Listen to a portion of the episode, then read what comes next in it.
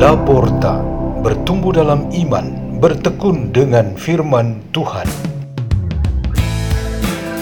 Radio Laporta, pintu terbuka bagimu untuk pertumbuhan pengetahuan dan kebijaksanaan tentang Allah.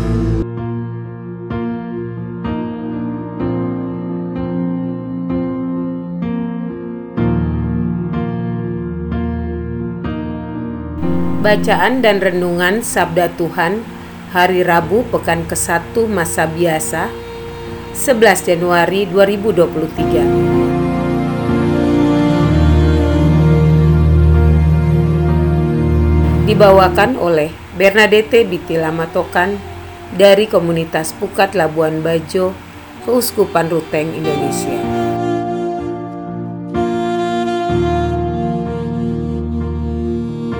Inilah Injil suci menurut Markus bab 1 ayat 29 sampai 39. Sekeluarnya dari rumah ibadat di Kapernaum, Yesus dengan Yakobus dan Yohanes pergi ke rumah Simon dan Andreas. Ibu mertua Simon terbaring karena sakit demam. Mereka segera memberitahukan keadaannya kepada Yesus. Yesus pergi ke tempat perempuan itu dan sambil memegang tangannya Yesus membangunkan dia. Lalu lenyaplah demamnya. Kemudian perempuan itu melayani mereka. Menjelang malam sesudah matahari terbenam, dibawalah kepada Yesus semua orang yang menderita sakit dan yang kerasukan setan. Maka berkerumunlah seluruh penduduk kota itu di depan pintu. Ia menyembuhkan banyak orang yang menderita bermacam-macam penyakit dan mengusir banyak setan. Ia tidak memperbolehkan setan-setan itu berbicara, sebab mereka mengenal Dia. Keesokan harinya, waktu hari masih gelap, Yesus bangun dan pergi keluar. Ia pergi ke tempat yang sunyi dan berdoa di sana. Tetapi Simon dan kawan-kawannya menyusul Yesus. Waktu menemukan Yesus, mereka berkata, "Semua orang mencari Engkau." Jawab Yesus, "Marilah pergi ke tempat lain, ke kota-kota yang berdekatan, supaya di sana juga aku memberitakan Injil. Karena untuk itu aku telah datang." Lalu pergilah Yesus ke seluruh Galilea dan memberitakan Injil dalam rumah-rumah ibadat mereka dan mengusir setan-setan. Demikianlah sabda Tuhan.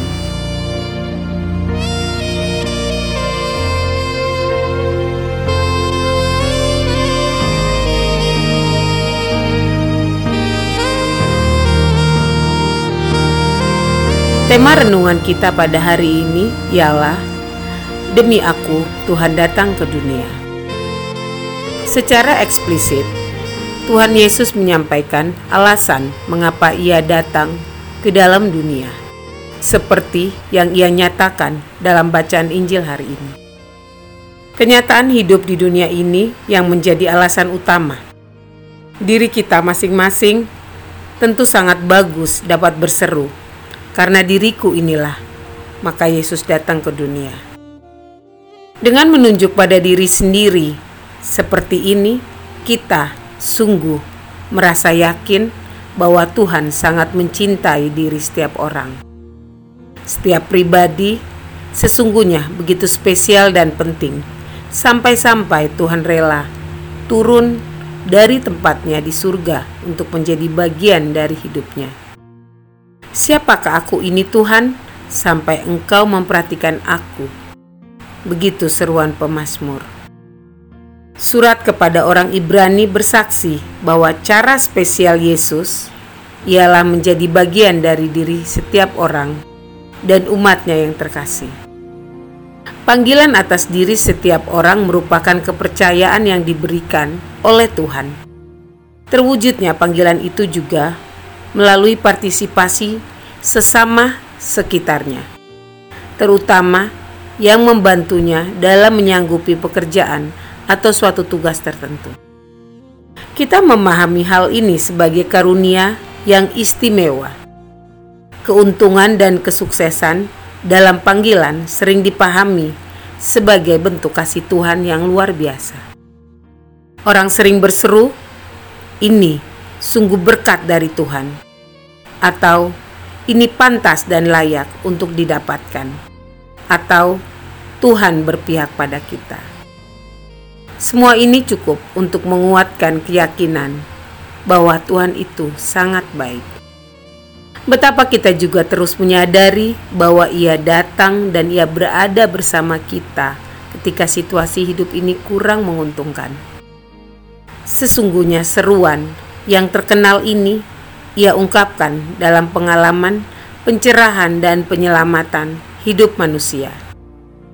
Mereka yang sakit dalam kekurangan, kesulitan, dan sedih mendapatkan keselamatan darinya Mungkin para rasul yang menyertainya penasaran lalu bertanya, "Tidak capek, tidak lelah, tidak bosan-bosan melayani begini ya?" Yesus menjawab dengan tegas dan telak, "Untuk itulah aku datang." Jawaban seperti ini adalah sebuah kunci untuk sebuah kebenaran dalam pembicaraan. Orang langsung mengerti dan tak bertanya-tanya lagi. Apakah jawaban kunci Anda?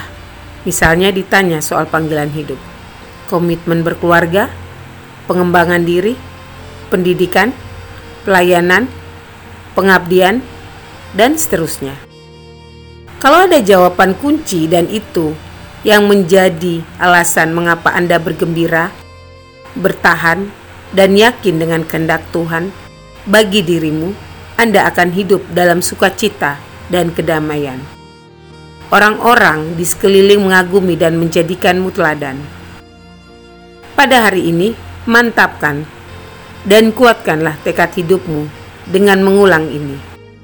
Karena untuk itulah aku ada di sini dan sekarang. Marilah kita berdoa dalam nama Bapa, Putra, dan Roh Kudus. Tuhan Yesus Kristus, buatlah kami mampu mempertahankan alasan dasar atas hidup kami di dunia dan senantiasa mensyukurinya dalam suka cita. Kemuliaan kepada Bapa, Putra, dan Roh Kudus seperti pada permulaan, sekarang selalu sepanjang segala abad. Amin. Dalam nama Bapa, Putra, dan Roh Kudus. Amin. Radio Laporta, pintu terbuka bagi